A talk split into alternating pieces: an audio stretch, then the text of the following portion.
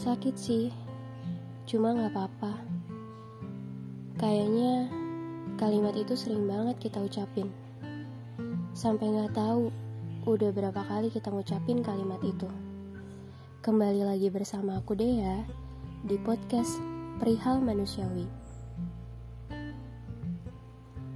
Kalian pernah gak sih ngerasa hidup itu cuma pura-pura? Pura-pura bahagia, pura-pura enjoy, pura-pura gak apa-apa. Padahal kenyataannya, perasaan kalian udah babak belur. Masalah pribadi, masalah privasi, masalah sana-sini.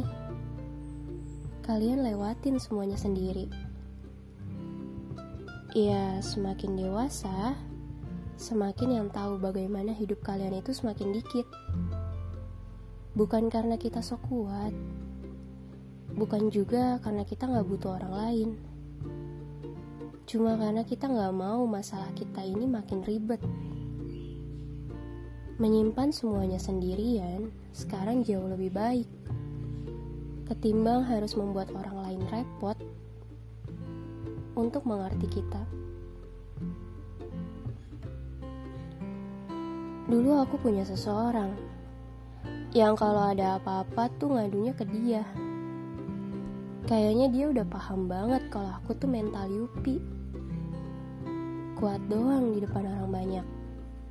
Tapi kalau sama dia nangis. Sekarang udah gak pernah lagi buat ngeluh sama dia. Gak tahu kenapa. Ya, gak ada hak juga sih. Kalian pernah gak sih punya rumah, tapi lupa kalau nggak dikunci. Jadi rumahnya kemalingan deh. Mau balik lagi, tapi takut udah ada penghuni baru.